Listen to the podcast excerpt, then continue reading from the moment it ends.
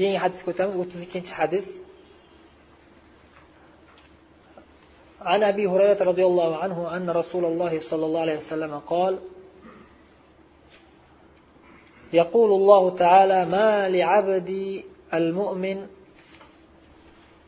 عندي جزاء إذا قبضت صفيه من أهل الدنيا ثم احتسبه إلا الجنة. Bu hadis hadis qudsiy rasululloh sollallohu alayhi vasallam alloh taolodan rivoyat qilib aytyaptilar. Mening bandam uchun mo'min bandam uchun mening huzurimda agar shu bandam dunyo ahlidan bo'lgan o'ziga eng yaqin odamini jonini olsam va bu bandam ana shunga qarshi ana shuning qarshisida mendan ajr savob kutsa ihtasabahu.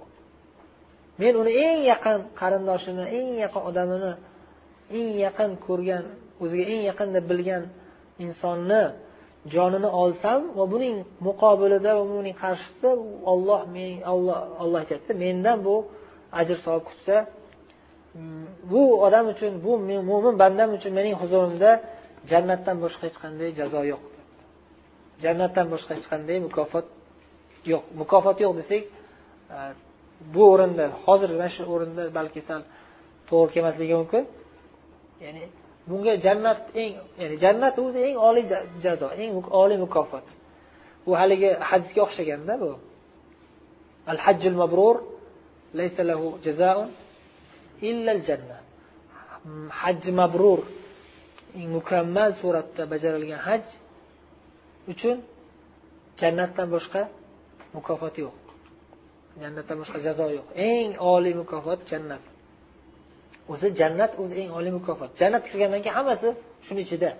Ya'ni jannatga kirgan odam shak shubhasiz nima bo'ladi? Jannatdagi eng oliy mukofotlarni ko'radi. Shulardan eng oliysi nima? Alloh taoloni ko'rish bir e, hikmatli so'z bor edi. Bitta joyi esimda turibdi. O'sha to'rtta narsa bor. O'sha to'rtta narsani ichida o'sha to'rtta narsadan o'zidan afzal narsa bor deyishadi. Shulardan bittasi jannat ya'ni jannat u jannat ichida jannatni o'zidan afzal narsa bor. Nima u desa alloh taoloni ko'rish jannatni ichida ko'ramiz inshaalloh. U jannatdan oldin ham ko'riladi lekin ne'mat sifatida ko'riladigani jannatda bo'ladi. Jannatdan oldin qayerda ko'ramiz? Qiyomat maydonida.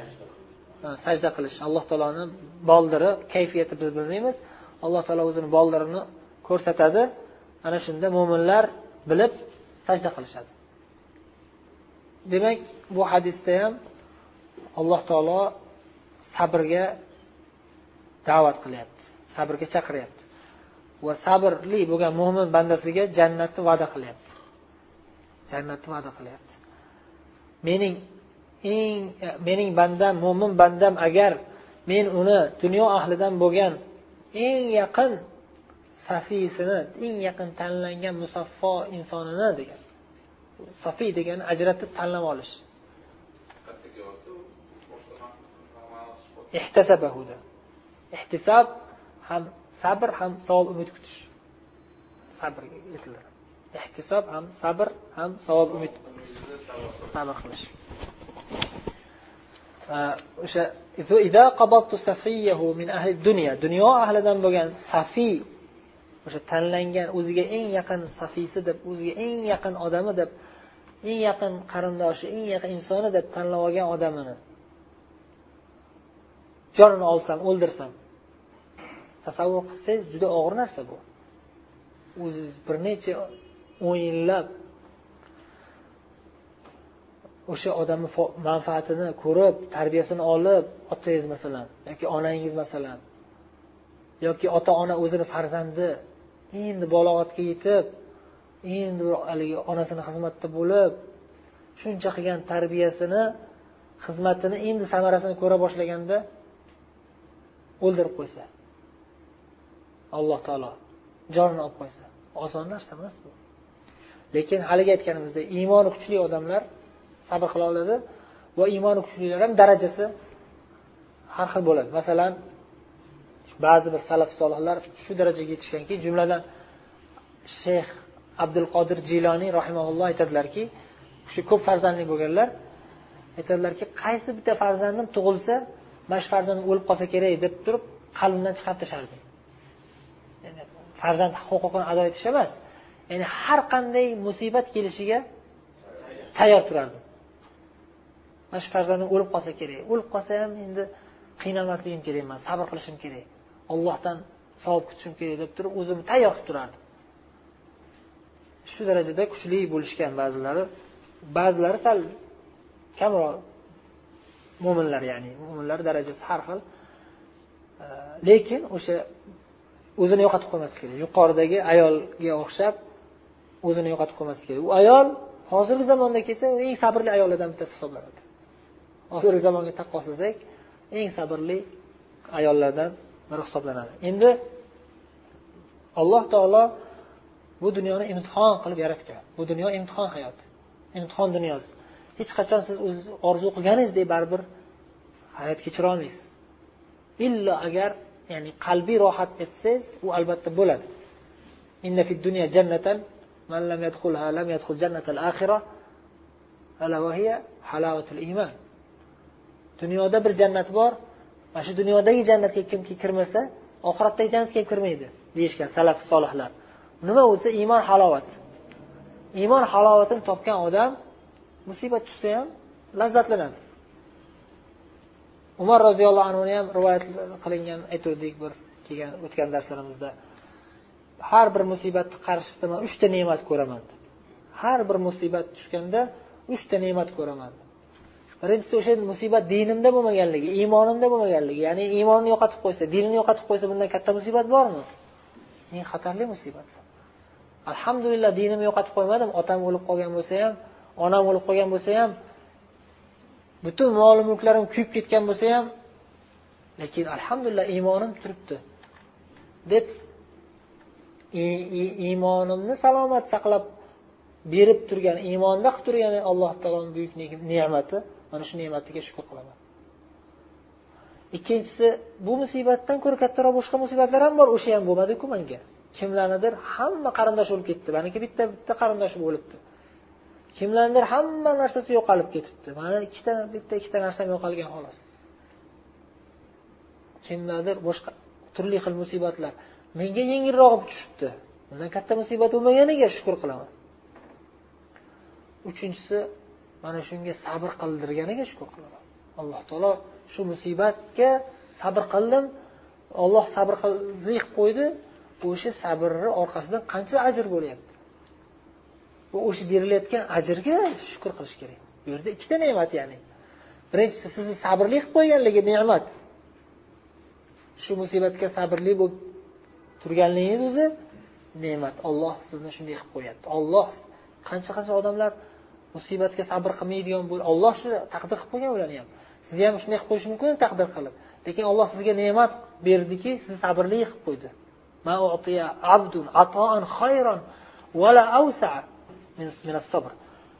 Hech qaysi bandaga sabrdan ko'ra kengroq yaxshiroq ne'mat ato berilmagan. Dedi boshqa rasululloh sollallohu alayhi vasallam boshqa hadisda shunday deganlar. Va buni orqasidan keladigan narsa e, shu sabrga beriladigan savob. Sizni olloh sabrli qilib qo'ydi. Faqat sabrli qilib qo'ydimi? Yo'q sabrli bo'lganingiz uchun sizga savob beryapti. Ya'ni tasavvur qiling. Tasavvur qiling. Siz bir kishi bir kishi sizga mana e, ming real sizga hadya bu sizni ming sizga bo'lganligi uchun? Mana shu ming sizga bo'lganligi uchun. Mana bu ming sizga. Mana shu ming sizga bo'lganligi uchun beryapman buni. O'zi ikkalasini ham o'zi beryapti. To'g'rimi? Olloh sizni sabrli qilib qo'ydida olloh sizni sabrli qilib qo'yib ne'mat berdi. Shu sabrli qilib qo'ygan sabrli bo'lganing uchun bandam mana bu savoblar ham senga deyapti. Qancha shukur aytsangiz yana savobingiz ko'payaveradi yana shukur aytishingiz kerak bo'ladi. shukur nima deganda nima deyishdi ما هو الشكر الشكر هو صرف العبد ما أولاه مولاه من نعماه في رضاه yodlab olishga oson bu haligi she'rga o'xshagan qofiyali sorful abdi ma avlahu mavlahu min na'mahu fi ridohu shukr banda nima qilish kerak? Shukur qilish uchun sarf qilish kerak. Nimani sarf qilish kerak? Sarf qilish ishlatish kerak deyapti. Allohga shukur qilish uchun sarf qilishingiz kerak ishlatishingiz kerak. Nimani ishlatasiz desa ma avlahu mavlahu min namahu olloh o'zining ne'matlaridan bergan narsani sarf qilishingiz kerak. Olloh sizga bergan ne'matlarni sarf qilishingiz kerak. Qanday sarf qilishingiz kerak desa fi ollohni rizoligida ollohni roziligi uchun sarf ollohni roziligiga sarflashingiz kerak. Olloh sizga boylik berdi bu boylikni siz ollohni rozi qiladigan ishlarga ishlating. Ollohni rozi qiladigan ishlarga ishlating. Va hokazo mana shu narsa sizga shukur aytganingiz bo'ladi. Shukur shukur aytishingiz ham o'zingizga foyda bo'lyapti masalan olloh sizga boylik bersa oila bola chaqangizni boqing. Halol taomlar olib keling. Halol kiyimlar kiydiring. Halol narsalar olib bering. O'zizni oila bola chaqangizga va zakotini bering. Zakotni o'sha zakot ahliga. Kambag'allar va mujohidlar zakot ahli sakkiz xil toifaga. Zakotni bering. Va yana sadaqalar bering. Ortib qolsa demak boshida o'zidan boshlaysiz. Birinchi farz nafaqa sarflash nima desa o'zingizni qorningizni to'g'rishingiz kerak avratingizni to'sish uchun kiyim olishingiz kerak yashash uchun uy olishingiz kerak minish uchun markab olishingiz kerak o'zingizni bola chaqangizni boqishingiz kerak bola chaqangizga kiyim olib berishingiz kerak bular hammasi ibodat. Bular hammasi birinchi o'rinda turgan ibodat. Olloh o'zi san ishlatgin bandani beryapti siz ishlatyapsiz siz yaxshi niyat qilyapsiz savob beryapti alloh qanday ne'mat? Subhanalloh. Alhamdulillah. Alloh bizni musulmon qilganiga shukur alloh taolo bizni musulmon mo'min bandalardan qilganiga shukur endi shuncha ne'matlarni berib turibdi alloh taolo. Bergan narsasini shukronasiga yana siz shukur aytgansiz yana ne'matlar savoblar yozyapti sizga. Endi bitta imtihon qilib qo'ysa bitta ikkita musibat bo'lib qolsa qanday besabrlik qilasiz endi? Sizga birov milliard dollar berib turib ha keyin keyin berib turib ikki dollar uch dollar berib turing desa nima ikki dollar uch dollar olib qo'yapsiz desa qanday ahmoqlik bo'ladi o'sha odam? Milliard dollar berganini esdan chiqarib ikki dollar berib tur deganini gapirsa bu demak noshukurlik besabrlik juda ham yomon narsa. Haqiqatda alloh taolo ne'matlarini sanab oxiriga yetolmaymiz. Bitta ikkita musibat yuborsa besabrlik qilamiz ko'pchiligimiz alloh gunohlarimizni kechirsin. O'sha masalada mana shu ya'ni musibat tushganda e, bitta shayx husaymin aqida masalalariga taalluqli bitta nuqtani zikr qilganlar u ham bo'lsa ya'ni alloh taolo taqdir qilgan narsalarni ichida yomon narsa bo'ladimi? Alloh taolo yomon narsani taqdir qiladimi? Misol uchun siz kasal bo'lib qoldingiz yoki qarindoshingiz o'lib qoldi yoki o'zingiz o'lib qoldingiz. O'z ko'p yashamoqchi edingiz o'lib qoldingiz ertaga o'lib ketib qoldingiz. Imtihon musibat. O'lgan odam o'zi bu dunyodan qutulganiga shukur qilish kerak agar iymon bilan ketsa. Lekin bu narsani ko'pchilik tasavvur qilmaydi. Omin xullas mana shu musibatlar bizni nazarimizda yomon narsalar to'g'rimi? Og'ir narsalar yomon narsa lekin aqidada shuni bilishimiz kerakki alloh taolo hech qachon yomon narsani taqdir qilmaydi. Ilayk deganlar rasululloh sollallohu alayhi vasallam. Al xayru biyadayk sharru laysa ilayk. Hamma yaxshiliklar seni qo'lingda ey alloh taolo.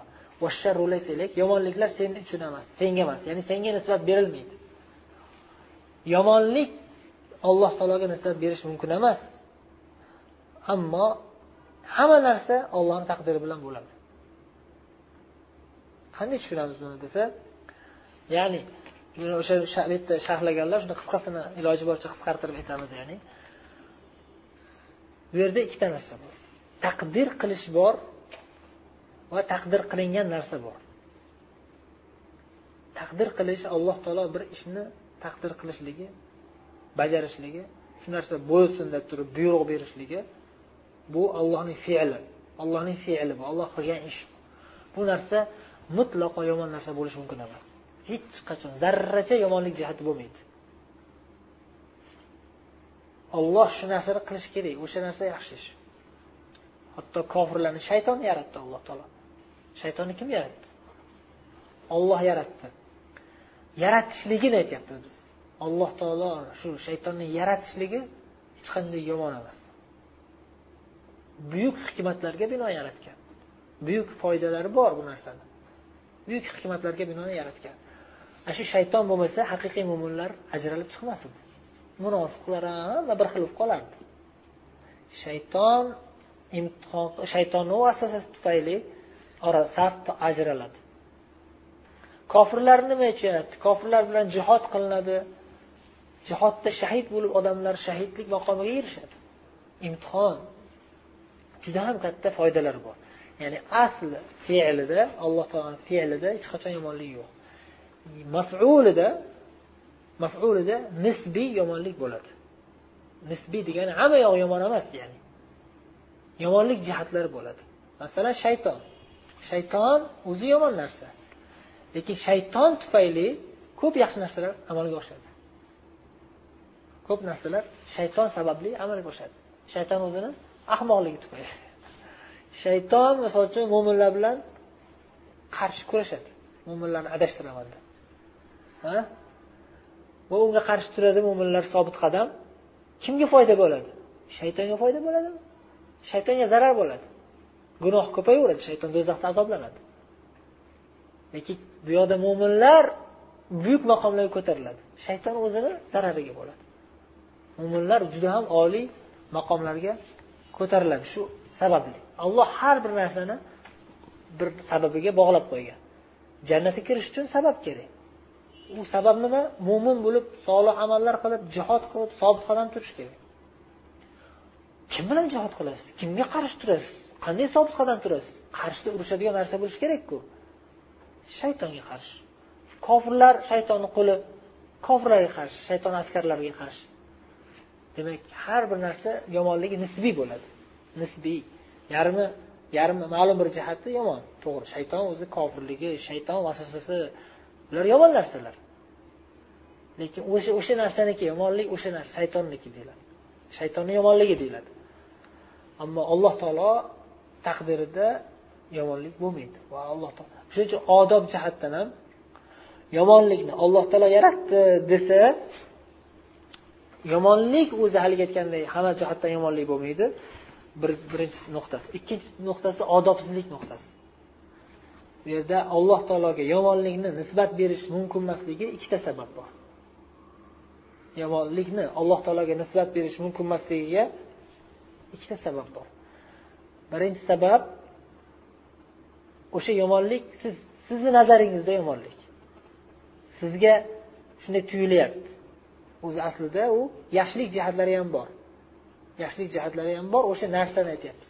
Ammo allohni taqdiri u hech qachon yomonlik bo'lmaydi. Alloh taolo hech qachon o'zi taqdir qilgan ishlarida allohni fe'lida hech qachon yomonlik bo'lmaydi. Taqdir qilingan narsalarga kelsak odamlarga shaxslarga kelsak maxluqlarga kelsak o'shalarni yomonligi bor lekin u ham nisbiy narsa. Sizni nazaringizda siz tomondan qaraganda yomonlik bo'lishi mumkin. Boshqa tarafdan qaraganda yaxshilik bo'ladi. Ha? Masalan falakiyotdan misol keltirsa oyga oyga qarasangiz sizga ko'rinib turgan jihati misol uchun oy to'la bo'lganda sizga ko'rinib turgan jihati yorug' orqa tarafga qarasangiz orqa tarafdan qarasangiz qorong'u. Oy oy qop qorong'u bo'lib turganda sizga siz qarab turgan tarafingiz qorong'u. Yoki narigi quyosh tarafga quyosh nuri tushib turgan tarafga qarasa yorug' ya'ni siz sizni nazaringizda siz bir tomondan qaraganingizda yomonlik bo'lishi mumkin. O'sha jihatda ya'ni olloh taolo yomonlikni taqdir qildi desangiz shu jihatda xato bo'ladi. Sizni nazaringizdagi yomonlik nimaga siz yomonlik deb aytasiz boshqa jihatlarni e'tiborga olmasdan. Bu birinchi xato. Ikkinchi xato odobsizlik. Mayli yomonlik deb yomonlik jihatini olib e'tiborga olaylik desak shaytonni yomonligi kofirlarni fir'avnlarni yomonligi ha ular yomon shayton badbaxt kofir zolim vasvasachi u jihatdan to'g'ri.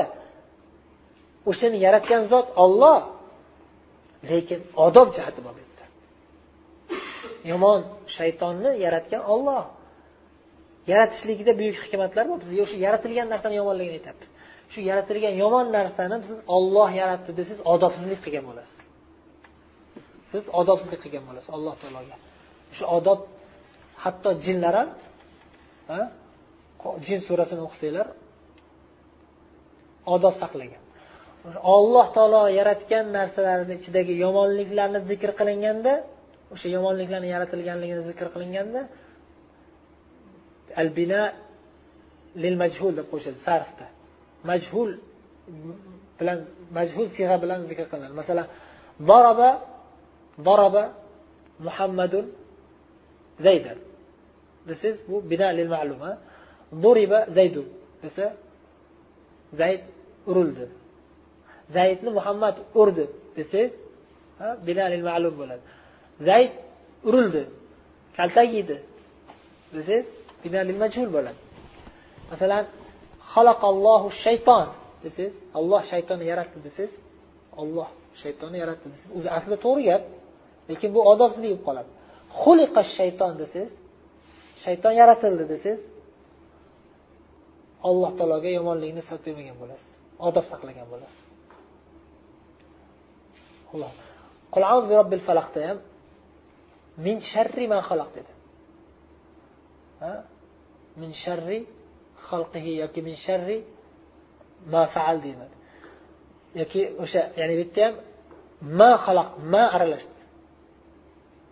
Olloh yaratgan narsalarning yomonligidan narsalar deb qo'shildi.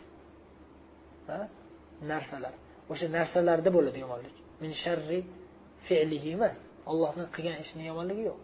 O'sha yaratilgan maxluqni o'zini yomonligi bor va u narsani taqdirda yozilganligi jihatdan olsangiz u alloh taoloni taqdiri lekin buni odob jihatdan birinchisi e, bittasi bitta nuqtasi odob jihatdan alloh taologa nisbat berilmaydi. Ikkinchi nuqtasi o'sha hamma tomondan yomonlik bo'lmaganligi. Ikkinchi nuqtasi hamma taraflama yomonlik bo'lmaganligi. Misol uchun e, bir yaxshi odamni deylik o'lishligi sizga bir musibat. Yaqin qarindoshingiz vafot qildi. Kim o'ldirdi uni? Olloh o'ldirdi lekin shuni siz olloh o'ldirdi demasangiz odob saqlagan bo'lasiz. Vafot qildi desangiz vafot qildi. Taqdir vafot qildi desangiz alloh taoloni yomon sizni nazaringizdagi yomon bo'lgan nuqtalarda yomonlik deb bilgan nuqtalaringizda alloh taoloni zikr qilmasangiz o'zi aslida taqdirda shu alloh taoloni taqdiri bilan bo'lgan bo'lsa ham bu odob saqlagan bo'lasiz alloh taoloni zikri shuning uchun qur'onda ko'p zikr qiladi. Jin surasida ham jinlar musulmon jinlar nima deyishdi?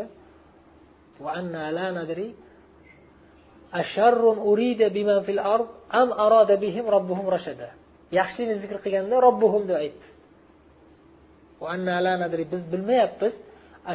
Bilmagandik yoki bilmayotgandik. Urida bima fil ard yer ahliga yerdagilarga yomonlik xohlandimikin deb yoki alloh taolo parvardigor ularning parvardigori yer ahlining parvardigori ularga to'g'ri yo'lni xohladimikin? deb turib to'g'ri yo'lni xohladimikin deganda nima? Robbuhum ollohni zikr qilishdi. Lekin yomonlik xohlandimikin deganda uriydi deb majhul majhul ya'ni kim xohlaganligini ya'ni kim taqdir qilganligini bu iroda nima? Taqdir ma'nosida. Kim taqdir qilganligini majhul sifatida aytish alloh taolo bilan odob saqlab ya'ni alloh taologa nisbatan odob saqlab shunday deyishdi. Ya'ni bu masalani ko'pchilik yaxshi tushuna olmaydi lekin bunday tasavvur qilib yaxshilab o'ylab ko'rsa oydin masala ochiq masala ya'ni odob birinchi odob jihat birinchisi odob jihati yoki ikkinchisi desa bo'ladi. Birinchi asosiy nuqta yomonlik deb ko'rgan narsangiz yomonlik bo'lmasligi aksar holatlarda yomonlik bo'lmaydi. Yoki yomonlik jihati kam bo'ladi foydasi ko'p bo'ladi. Foydasi ko'p bo'ladi yomonlik jihati kam bo'ladi. Ko'p bo'lgan narsasiga qaraladi foydasi ko'pligiga qaraladi o'shaning uchun yomonlikni alloh taologa nisbat berish mumkin emas. Foydasi ko'pligi birinchi nuqtasi. Ikkinchi nuqtasi odob saqlashlik. Allohu alam. وصلى الله وسلم وبارك على نبينا محمد السلام عليكم ورحمة الله وبركاته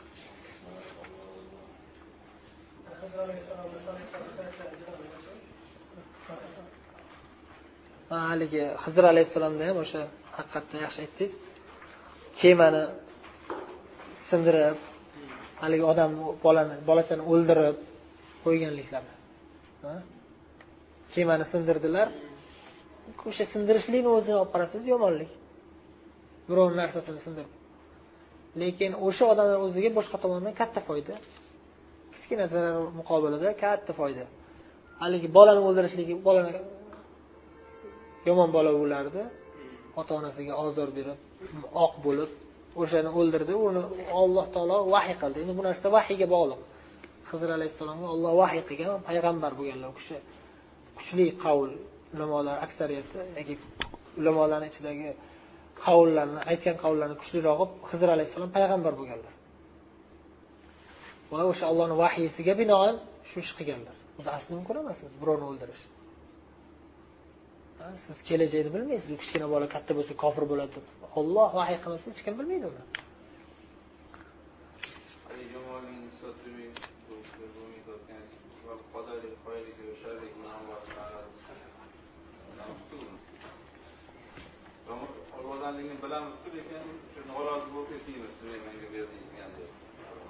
O'sha nisbatan o'sha buni tavzih bobidan biz hozir ham aytyapmiz o'zi ollohni taqdiri bilan deyapmiz taqdir jihatini e'tiqod qilib olishimiz kerak. Ya'ni shaytonni kim yaratdi desa olloh yaratmadi demaydi hech kim. Olloh yaratmadi desa kufr bo'ladi. U to'g'rimi? Shu jihatdan bilib olishimiz uchun aytiladi buni aniq. taqdir xayrihi va sharrihi minalloh olloh taqdir qilgan degan. Va boyagi narsaga qaytadi u ham sharrihi yomonligi ma'lum bir nisbiy jihatdan jazakumulloh